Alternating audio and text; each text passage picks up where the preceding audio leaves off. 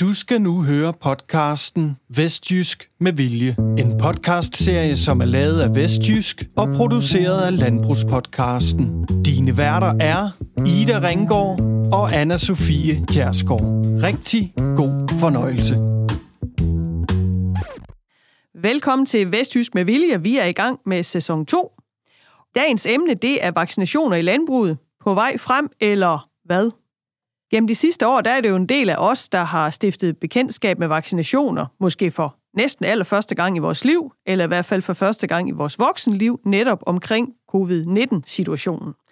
Og det er der jo ganske mange holdninger til i den danske befolkning, og jo mere videnskabelig man bliver, jo næsten jo flere holdninger er der nok til begrebet omkring vaccinationer skal, skal ikke. Langt de fleste af os er jo vaccineret som små spæde og som børn, og nogle af os har også fået vaccineret vores børn, men øh, hvordan står det egentlig til i husdyrproduktionen? Det er det, vi skal tale om i dag.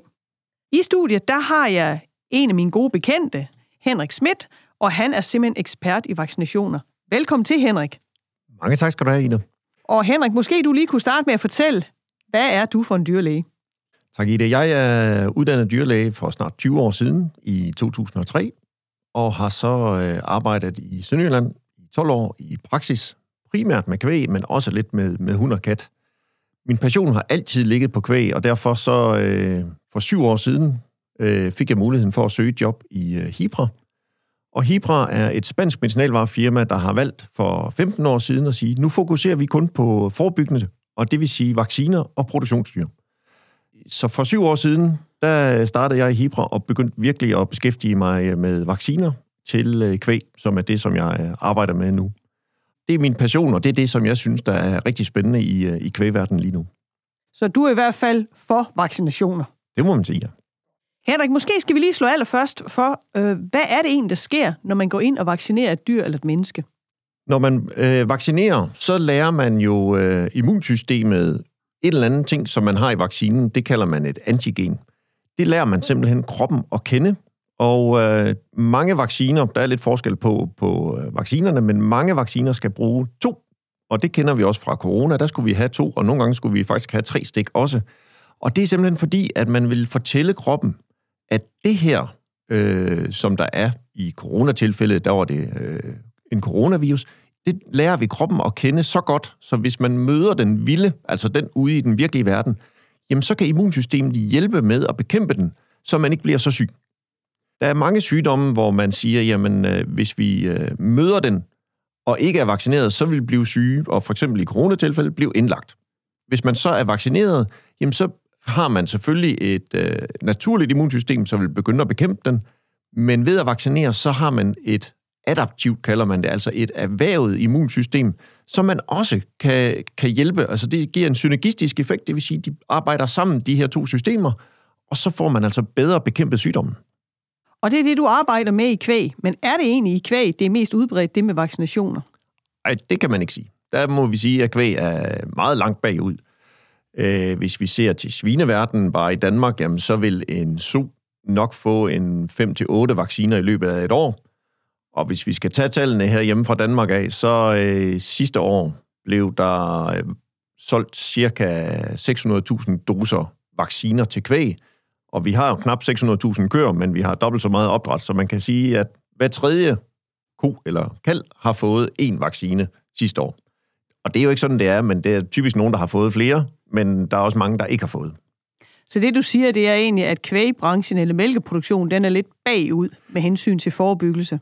Altså, der er jo mange holdninger til det, og der, har heller ikke, øh, der er også nogle sygdomme, som vi ikke har i Danmark, som man har andre lande at vaccinere for. Øh, men der er også sket en rivende udvikling. Altså, man har også fået øjnene op for det. Øh, altså, jeg kan sige, at på de sidste fem år er der faktisk øh, sket en fordobling af doser vacciner, der er solgt i Danmark. Og det er selvfølgelig noget at gøre med, at man har fået fokus på det. Det har også noget at gøre med, at der er kommet nye vacciner til markedet. Øhm, og så har man jo også nogle produktionsformer, som gør, at det måske også er mere nødvendigt at bruge nogle vacciner. Kan du ikke prøve at uddybe det lidt mere, det med produktionsformerne? Hvad tænker du der? Øh, hvis vi skal tage den lidt over til corona igen, så kan man sige, at selvom vi vaccinerede, så fik vi også et forsamlingsforbud. Og det vil sige, at hvis vi nu forsamlingsforbuddet var 10, at vi måtte være 10 sammen i et lille indenlukke, hvis man tog en besætning for 25 år siden, så havde de ikke 10 kalve øh, sammen i en gruppe. Men det har man nu. Nu har man måske 20 eller 30. Og nogle steder går de jo 25 på en sutautomat, fordi det er det, der sutautomaten kan klare. Nej, ikke i Vestjysk. Nej, men det kunne ske. Og det er så det, der, der, der trigger det her. Hvis vi nu havde et forsamlingsforbud, der hed i Vestjysk, at vi vil have 10 i hver besætning, eller i hver øh, gruppe, jamen så vil du få luftvejssygdommene få øh, en meget øh, mindre population og mindre smittespredning. Så i den vej rundt kan man sige, at det her med, at vi får større besætninger, det kan have nogle fordele med, det er nemmere at passe, og vi har noget systematik. Men det kan også have nogle, øh, øh nogle negative effekter, hvis vi får for mange samlet på et for lille areal. Så du vil sige, at den udvikling der nok er sket, både er sket kvæg, at man har fået nogle bedre vaccinationer, der er mere målrettet, men også at besætningsstørrelsen simpelthen er steget, at man måske har et større øh, antal dyr per site. Ja, og så er der jo også det her med, at nødvendigvis går øh, køerne og ungdyrene jo ikke sammen, og det vil sige, at vi har måske heller ikke den samme smitte. Øh, det kan være, at øh, landmanden har købt naboejendommen, som er 3 km væk, og der er jo ikke nødvendigvis de samme bakterier eller virus derovre, som der er i oprindelsesbesætningen. Og så får kalvene jo heller ikke det i råmælken. De får ikke øh, den her naturlige smitte eller immunitet, og så betyder det, at vi øh, ved at vaccinere, så kan vi faktisk hjælpe både det ene og det andet sted, øh, fordi vi ikke har det hele in-house øh, inden for ganske få kvadratmeter, som man havde i gamle dage. Og hvis du vil lige snakke om det der med kalvene, så tænker jeg, hvis vi skal have kalvene til at få den her immunitet, så er det jo gennem råmælken. Så hvad er det, man gør der? Der findes jo øh, forskellige øh, typer vaccine, øhm, og det her med at vaccinere goldkonen, det gør jo, at man egentlig fortæller goldkonen, nu skal du lave nogle antistoffer, som du, øh, som du egentlig... Konen ved jo ikke, at det er kalden, den skal beskytte, men den laver antistofferne, fordi at immunsystemet har fortalt den, nu skal du lave antistoffer mod det her. Men det, der er effekten i det, det er, at konen producerer antistofferne, som den putter i sin kolostrum, altså råmælken, og når kalden så får råmælken, så øh, får den mulighed for at optage det ret hurtigt i tarmen, og dermed få en immunitet, som den ikke er født med. Og det er det, råmælken kan. Det er jo at give kalden noget immunitet, som den, øh, som den er født uden. Så hvis kalden ikke får sin råmælk, så har den et meget, meget naivt og egentlig ikke særlig stærkt immunsystem. Så derfor er råmælken vigtig. Og nu er jeg sådan lidt, uh, lidt med kald også, Henrik. Uh, og der synes jeg altid, at jeg får at vide, man må ikke, uh, samtidig med, vi må ikke køre de vaccinationer, samtidig med, at vi afgårder konen, for så er den lidt stresset i forvejen.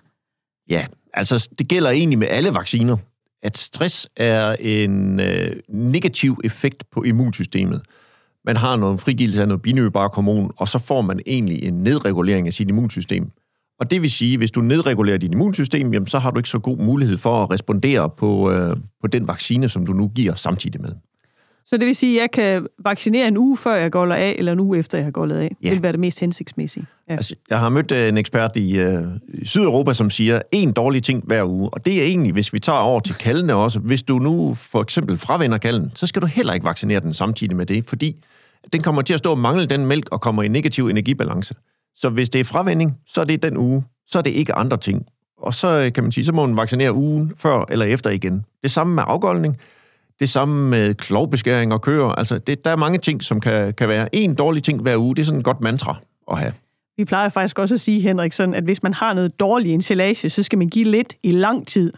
Så det er det der fjerdslet, det er sådan en, en kilo tørstof helt, hver dag. Ikke så, også? Ja. så fordeler vi det lidt ud. Så får, så får lavet sådan en fortyndningseffekt. Ja. ja. Jeg tænker lidt, øh, de der kalve, hvis vi lige skal bage til dem, så kan vi selvfølgelig vaccinere goldkøerne, så vi har noget i råmælken. Men ellers, hvis vi har de her kalve, det er jo meget populært i slagtkalvebesætninger at gå ind og vaccinere, fordi man får mange dyr ind med forskellig immunitet. Ja.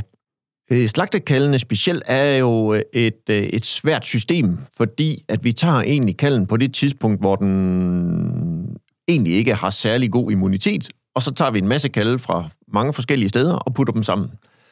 Det, der er udfordringen, er, at de traditionelle vacciner, som for eksempel coronavaccinen, som vi har, øh, hvis vi tager tilbage til coronavaccinen, så fik du et gyldigt coronapas 14 dage efter dit første stik. Og det er fordi, der går 14 dage fra man er, har fået sit første stik, til man egentlig øh, begynder at danne nogle antistoffer, som man kan bruge til noget.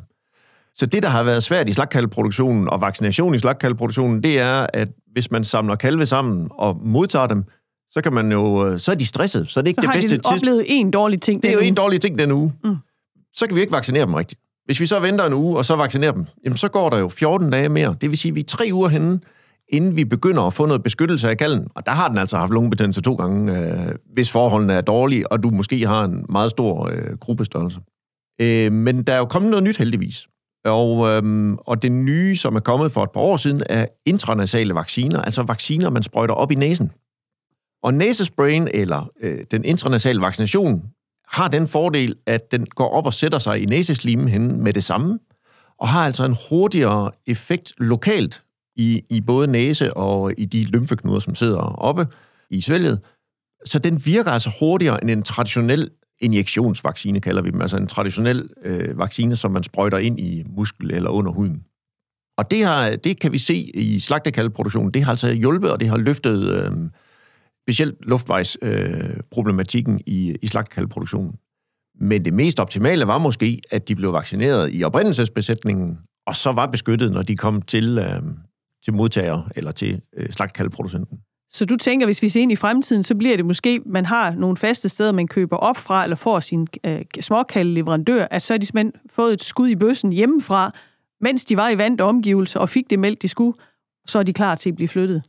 Altså, hvis jeg skulle øh, se øh, kalvens bedste måde at blive beskyttet på og have det bedste øh, mulighed for at have en god start, jamen så vil det være oprindelsesbesætningen, hvor man har sine vacciner, og så øh, er de beskyttet, når de kommer ud. Og så kan vi også altid diskutere, om vi synes 14 dage er en god alder at flytte den på, eller om vi måske skal længere hen. Eller... Jeg vil hellere længere ned. Jeg er jo mælkeproducentens mand, så jeg vil have af med den hurtigst mulige mælkende dyr. Den koster næsten en femmer, Henrik, ikke? Ja. Jo, jo, jo, jo, jo. Altså, jeg ved det godt. Øhm, der er mange ting at tage hensyn til. Og det kan også godt være, at det er bedre, at øh, slagterproducenten får den og tager hånd om kalden fra tidlig dag, men lige nu ligger vi i et eller andet vakuum, som er hverken mm. eller, så, fordi der skal også noget logistik, der skal til at passe. Mm. Han kommer ikke hver dag og henter, altså så er der 14 dage eller 3 uger eller en måned imellem, han kommer. Så, så det er sådan lidt en svær problematik at, at sætte ind på. Men hvis vi skal se beskyttelsesmæssigt, så er god råmælk og måske en, øh, en vaccination, inden man forlader oprindelsesbesætning, det vil være, det vil være ugik. Jeg har faktisk en del, som har kvier på hotel, og der skriver vi faktisk ind, der bliver de jo typisk flyttet i den alder, at de er 4-5 måneder gamle, i hvert fald mælkefravendet. Og der har vi tit skrevet ind i kontrakterne, at de skal være vaccineret mod ringorm, inden at de bliver flyttet. Fordi letop, hvis vi blander flere sammen i forskellige stadier, så ser vi tit det der. Lige præcis. Så det er jo, og, og det øh, må man jo øh, kunne skrive sig ud af og lave nogle kontrakter ud af, øh, øh, hvad hedder leverandører og, og slagtekaldeproducenter. Ja. ja. ja. Det var sådan lidt lidt om kaldende. Ung dyr vaccinerer vi vel ikke, eller hvad? Man kan sige, når den problematiske periode, eller der, hvor vi ser flest behandlinger i, i opdrættet, det er jo typisk de første op til de er 3-6 måneder. Efter det er der egentlig ikke i Danmark jo de store problematikker. Vi har jo øh, IBR og BVD, vi er jo ikke officielt erklæret helt fri, men det ligger vist på nippet. Men øhm, så vi har ikke de store andre øh, ting, som man kan vaccinere for, og ringorm er jo der, hvor det kan de også godt få i en forholdsvis sen alder, men det kan der også være taget hånd om tidligere. Så der er ungdyrene egentlig, når vi når over 6-12 måneder, øhm, er der ikke de store vaccinationsprogrammer i Danmark, nej. Så det næste kældekvin, det er jo der, den skal vaccineres, også de der 60-70 dage før kældning. Med Lige præcis. Ja. Hvis man vil beskytte sin, øh, sin første kald fra sin kvige af, så, øh, så er det der egentlig, der vil ske noget igen. Og hvad med køerne? Hvad kan vi vaccinere dem imod og for at hjælpe med? Med køerne ser vi jo øhm, ofte mastitis som det store problem, så, øh, så en mastitis-vaccine kunne, kunne være noget. Og der kan jo egentlig også, og det ser vi i nogle besætninger, også være luftvejsproblematikker hos køer også. Men primært i Danmark er det øh, mastitis-vaccination. Øh, ser vi til udlandet, er der en del, der bruger også Clostridia-vacciner, og så er der IBR-BVD i, i udlandet også. Hvis vi lige vender lidt tilbage til de der mastitis-vaccinationer, eller mod øh, mastitis, der er jo noget cost-benefit i det. Altså, de landmænd, der ligger med 300.000 plus i celletal, eller for hvem giver det mening? Er det de store besætninger, eller kan det lige så godt være en lille besætning? Det er meget individuelt, og der er ikke nogen, øh, hvad skal man sige, sådan øh, streg, man kan trække i sandet og sige, hvis det er sådan her, så, så er det altid en god idé. Man kan sige, at vaccination er jo et værktøj i værktøjskassen, men den kan ikke erstatte dårligt management. Så det kan godt være, at du har et højt celletal, og det kan der være mange årsager til. Men det er ikke sikkert, at vaccination er den eneste løsning, der er. Altså, hvis man for eksempel bruger en klud til fem køer, øh, så kunne man godt tænke sig, at man kunne vaccinere og, og få øh, noget ud af det. Men hvis man har en stor smittespredning, fordi man bruger en klud til fem køer, så er man nødt til at starte med at sørge for, at man har et ordentligt malkemanagement, og så kan man putte vaccinerne på som en hjælp til at komme videre. Nu ved jeg, at du går meget op i malkning, Henrik. Nu har jeg jo først stået i malkestallen med dig og diskuteret udgange og indgange og forskellige ting. Ja. Øhm, og det er jo fint. Så hvis du skal ud og, og sælge de her produkter, er du simpelthen ud at se på nogle malkerutiner, eller ser du på deres øh, velbefindende, stress, eller hvad, hvad ser du på? Altså, vi vil, vi vil meget gerne ud og besøge landmændene også og snakke det igennem med dem, fordi der er noget forventningsafstemning i at vaccinere. Altså, øh, man kan sige, at vacciner igen, der er jo kun øh, en eller to øh, agens i, og det vil sige, at hvis man forventer, at man vaccinerer, så er der nul yverbetændelser, så kommer det ikke til at passe. Og det er der flere årsager til. En kan man sige, vi tager måske, vi kan ikke fjerne yverbetændelser, men vi kan måske reducere sværhedsgraden af dem. Og det betyder jo også, at, at øh, de vil stadigvæk komme, men de bliver nemmere at behandle, eller de dør måske ikke. Men det er igen, altså yverbetændelser er multifaktuelle, og det vil sige, at der er ikke én ting, som man kan gå ind og så sige, nu kører det, nu får vi aldrig yverbetændelser mere. Der er mange parametre, man skal arbejde på. Og det betyder også, at malkning for eksempel kan være rigtig vigtig, men altså opstilling og hvordan altså, er sengene håndteret, gangarealer, alt sådan noget, man, det er nødt til at være et helhedsbillede, som, øh, som man ser på. Så der, nu, det er altså ikke et quick fix? Nej, det er det ikke. Det er et værktøj i værktøjskassen, men nu sagde du selv foder tidligere, ikke? Altså, hvis du ikke fodrer koen ordentligt, så har den ikke så godt et immunsystem, så reagerer den heller ikke så godt på en vaccine. Men hvis den er fodret godt, så reagerer den godt på en vaccine, og så har den et bedre immunsystem. Så, så der, er, altså, der er jo mange ting, der spiller ind. Kan man også se, at behandlingseffekten, altså i fortæl, vi kan jo aldrig eliminere de her yverbetændelser, de vil Nej. jo komme, lige meget ja, ja. hvad, ikke også? Og tak for din ærlighed, Henrik. Men, men kan man sige, at lige så vel som, øh, at konen kan måske knap blive så syg det, ligesom vi snakkede med coronavaccination, at det kunne godt være, at de gamle vaccinerede vi jo først, for at de måske var mere omfindige, ikke også? Så kan vi også sige, at øh, behandlingseffekten er lettere? Ja, det kan man faktisk godt sige. Altså, øh, vi ser typisk, at det, det er mildere øh, forløb, og det gælder jo ligesom med corona, så kunne vi stadigvæk godt få corona, selvom vi er vaccineret, men vi skulle forhåbentlig ikke på intensiv og ligge med respirator. Mm. Øh, og det samme ser vi egentlig både på luftvejssygdomme og på, øh, og på øh, mastitis-siden, eller på den anden side diarréen ved, ved kaldning. Så, så der er øh, der er ikke rigtig nogen vacciner af dem, vi har i Danmark i dag, hvor man kan sige, hvis du vaccinerer, så udrytter vi sygdommen. Ah, det skulle lige være øh, ringorm. Der er, er vi stort set fri for ringorm, når vi, når vi ser øh, vaccinerede besætninger. Men ellers så er det altså et bedre forløb. Ja, for jeg synes jo tit, det jeg ser, altså det er, nu sidder jeg som fodringsrådgiver, ikke også, og vil jo gerne have, bare ikke få den til at æde. Altså kan jeg bare få ja. konen til at æde, smerte stille hende, få hende til at æde, så ved jeg så tit, så kommer hun sig. Ja. Ikke også? Og det er jo faktisk også det, vi ser med kaldene. En, en mild diarré, vi kan faktisk godt fodre os ud af den. Ja. Ikke også? Altså alt for mange kalde ser vi nok, der overlever på elektrolytter, men de vokser ikke. De kan overleve på elektrolyt, men, ja. men det er mælken, de, de vokser af. Lige så vel som vi siger, hvis køerne, at de kan, vi kan få holdt dem i gang, holde vommen i gang, så kommer de så faktisk selv. Ja. Så det er, altså man kan sige, at med, med både øh, køer og kalve, altså kan vi holde dem med mildere symptomer, jamen så får vi en bedre tilvækst, så får vi altså også en kalv, øh, som trives bedre, og i sidste ende får vi en mælkeko, der vil give noget mælk. Jeg tænker lidt, hvad koster så noget her? Kasuarser, vil en vestjyde jo spørge om. Alle vacciner, der er registreret, har en dokumenteret effekt. Så, så de virker.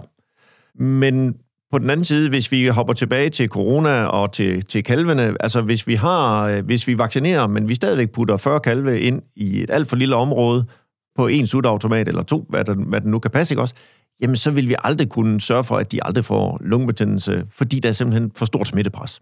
Så, så, øh, så det er multifaktuelt, men, men der er ingen tvivl om, at øh, hvis man kan har et fornuftigt management, og man også sørger for at overholde sine vaccinationsintervaller, og sørge for, at køerne er fodret godt, eller dyrene er fodret godt, så de har et godt immunsystem, jamen så ser man også bedst effekt. Er der nogle andre sygdomme, som du tænker, dem har vi i dag, dem har vi ikke om nogle få år? Nej, jeg tænker nok mere den anden vej rundt. Der er nogle sygdomme, vi ikke har i dag, som vi har om nogle år. Altså, som vi måske har, men vi ikke har fundet endnu, eller hvad? Det kan også være. Ja. Altså det nye, øh, der for eksempel er kommet op, er jo øh, et, et stort kalvestudie, der er lavet, hvor man har fundet influenza D. Og man ved ikke så meget om den. Man ved heller ikke så meget om den i udlandet. Men nu har man fundet den, og det er jo fordi, at man kan sige, mange gange, så er der jo nogle traditionelle ting, man kigger for, eller kigger efter, når man har en lungebetændelse osv. Og, og hvis man ikke kigger efter influenza D, så finder man den ikke. Men hvis man kigger efter den, så kunne det godt være, at man vil finde den øh, noget mere. Nej, jeg, jeg er i tvivl om, om der er nogle sygdomme, som vi ikke har om nogle år. Øh, altså, der er ikke noget, jeg tænker som af de her traditionelle problematikker, som vi egentlig ofte vaccinerer for, at der er ikke nogen af dem, som ligger sådan på randen til udryddelse. Øh, man kan sige, hvis vi vender den om til corona, som er, som er et virus, den forventer vi heller ikke, at den er vi færdige med om et eller to år. Det er noget, vi finder ud af at leve med og, og håndtere. Og det er egentlig også sådan, det er med de frieste luftvejssygdomme ved kalve. Øh, der er også koksidier og kryptosporidier, diarréerne ved, ved kalvene, og så ubetændelse ved køer, må jeg sige, det kommer vi nok også til at leve med. Det må vi lære at leve med. Ja, det ja. tænker jeg også. Men vi skal håndtere det. Men vi ser jo også nogle lande, som simpelthen har besluttet, at der er nogle sygdomme, de ikke har, simpelthen fordi de ikke tester for det. Ja. Og der kan vi nok sige, at i Danmark, der er vi sådan lidt frelste. Vi, vi tjekker for alt, hvad vi kan tjekke for. Vi tjekker i hvert fald for rigtig mange ting, og vi tjekker meget regelmæssigt. Og, og det vil sige også, at, øh, at hvis vi ser til omverdenen, så, så hvis man ikke kigger, nej, så har man det ikke. Men hvis de kigger, så, så, har, så har man det måske, ja. Vi snakkede lidt om, du sagde, at svin, de var sådan lidt, lidt mere vaccinationsklar, end kvægfolkene var. Hvordan ser det ud i resten af verden? Er det også svinefolkene generelt i den øvrige del af verden, som vaccinerer mere? Eller hvordan ser det ud i de andre mælkeproduktionslande omkring os? Det er sådan meget samme billede i hvert fald, hvis vi skal se på de sådan lidt mere industrialiserede øh, lande. Og svin er jo en meget mere styret og kontrolleret produktion, og det vil også sige, at, at når man laver nogle ændringer der, måler man ret hurtigt på parametrene. Hvis vi skal se over på kvægverden, så er den mere åben, og den er mere, nu sagde du selv, ah, vi har lige fjerslet, vi skal have brugt. Det har de ikke i svineverdenen. Altså, hvis de får noget dårligt uh, ind, så ryger det ud igen med det samme. De så dør de, og så kører vi ind med noget nyt. Og, og det gør jo også, det er nogle gange svært at, at sammenligne et år med et andet år, fordi at, hvordan var høsten, og hvordan var vejret? Øhm, så, så øh, kvægverdenen er mere åben og sådan lidt mere øh, dynamisk, vil jeg jo kalde den, øh, hvor svineverdenen er mere styret, og, og så har man også styret ind med de sygdomme, man kan vaccinere for, dem, dem styrer de ind i, i helt fast øh, systematik. Hvis vi sådan prøver at tænke øh, lige lidt fremad, tænker du så, at der kommer vaccinationer? Ja, det er kommet for at blive, det skal du sige, sige når du sidder der, hvor du sidder, Henrik. Men, men tænker du ind, at vi vil få noget mere sådan koncepter? Nu havde vi ved at snakke lidt om, at måske kaldene skulle vaccineres, inden de kom væk fra øh, leverandørbesætningen. Er der nogle andre ting, du tænker ind? Vi ser måske også nogle steder, hvor man bliver specialiseret i at producere kvier, og nogen kun har ren mælkeproduktion. Kunne du forestille dig, at der kunne komme noget ind der? Altså, jeg tænker mere, at... Øh, jeg tænker, det er udviklingen, ja. Jeg tænker, vi går hen imod at blive mere specialiseret i nogle ting, og blive mere systematisk. Og det er også det, vi ser fra de helt små landbrug, som man havde før, og nu er gennemsnitsstørrelsen jo nærmere snart 250 øh, køer i en, en gennemsnitsbesætning i Danmark, ikke? Øh, så er man mere systematisk, og, og det, vil, det vil sige, at man, man bliver god til nogle ting, og, og jeg synes også, at vi oplever, at mange landmænd de bliver meget professionelle om at lave mælk, og det her med øh, markdriften, den bliver udliciteret til nogen, som er gode til det. Fordi det er svært som landmand at være ind over alting. Og der, der kan vi se de besætninger, som gør det godt. Jamen, det er typisk nogen, der er fokuseret på lige nøjagtigt at lave mælk, for eksempel. Jeg tænker også, der er jo en del landmænd efterhånden i Danmark, som kører sæsonkældning, inspireret fra, hvad man gør i New Zealand og Australien. Der må vel det vel være næsten endnu mere på sin plads at gå ind og vaccinere, fordi der har du vel et enormt smittetryk på en kort tid. Altså man kan sige, det kommer jo an på forholdene igen. Øh, men det er klart, at de har jo en kalvestal, som øh, i nogle perioder er tom, og så har de en kalvestal, som måske er overfyldt i, i andre perioder. Øh, så kan man være heldig, at man har egentlig så har en, en årstid, som gør det favorabelt at være kalv, i frem for øh, måske at få en masse kalve, som er helt unge i vintermånederne, hvor det er lidt sværere at være kalv. Så, så der kan være fordele og ulemper ved begge dele, men det kan også være nemmere at tilrettelægge øh, et vaccinationsprogram, så man kan beskytte dem bedre. Så jeg vil ikke sige, at det er øh, meget bedre eller meget dårligere, fordi det kommer lidt an på, hvordan du sætter det hele op, og det kommer an på forholdene også. Men lige præcis det omkring systematikken, det gør vel også, man bliver vel nødt til at være sådan et rimeligt systematisk menneske, hvis man skal gå ind i vaccinationer. Jeg er jo en den type, at det var lægehus, der ringede og sagde, at mine børn skulle vaccineres, fordi det glemte jeg jo. Ja, og det er faktisk en af de ting, som vi, øh, som vi kan se, det er egentlig, at mange landmænd siger, jamen det er jo en god idé, og, og synes egentlig, det fungerer godt det her med at vaccinere. Så efter et stykke tid, så er det som om, de tænker, nu virker vaccinen ikke mere. Og mange steder, når vi følger op, så er det simpelthen fordi, at uh, måske har de ikke, de nye kalve, der er kommet, har ikke fået deres basisvaccine, eller intervallerne imellem vaccinationerne bliver for lange, og så mister øh, immunsystemet den her evne til at genkende, når der kommer en boostervaccine, så, øh, så kan den ikke genkende det på samme måde, så tror den, det er noget nyt. Så starter processen egentlig forfra.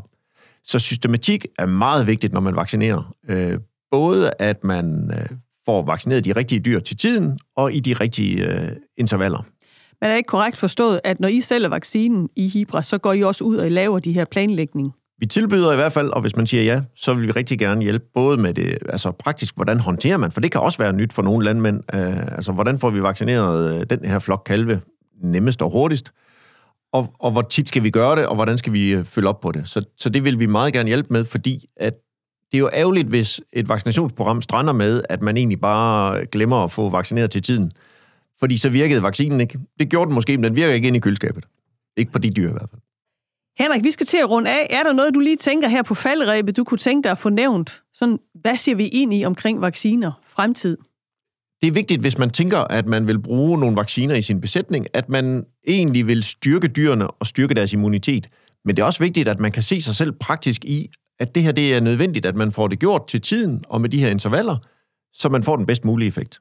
Fordi at hvis man ikke kan se sig selv i det, så skal man lade være. Nej, og det er ikke sådan, at lort bliver ikke til lavkage ved en vaccination. Det gør det ikke. Nej. Men vi styrker immuniteten og hjælper dyrene. Super. Tusind tak, og tak fordi du kom, Henrik. Det var så lidt.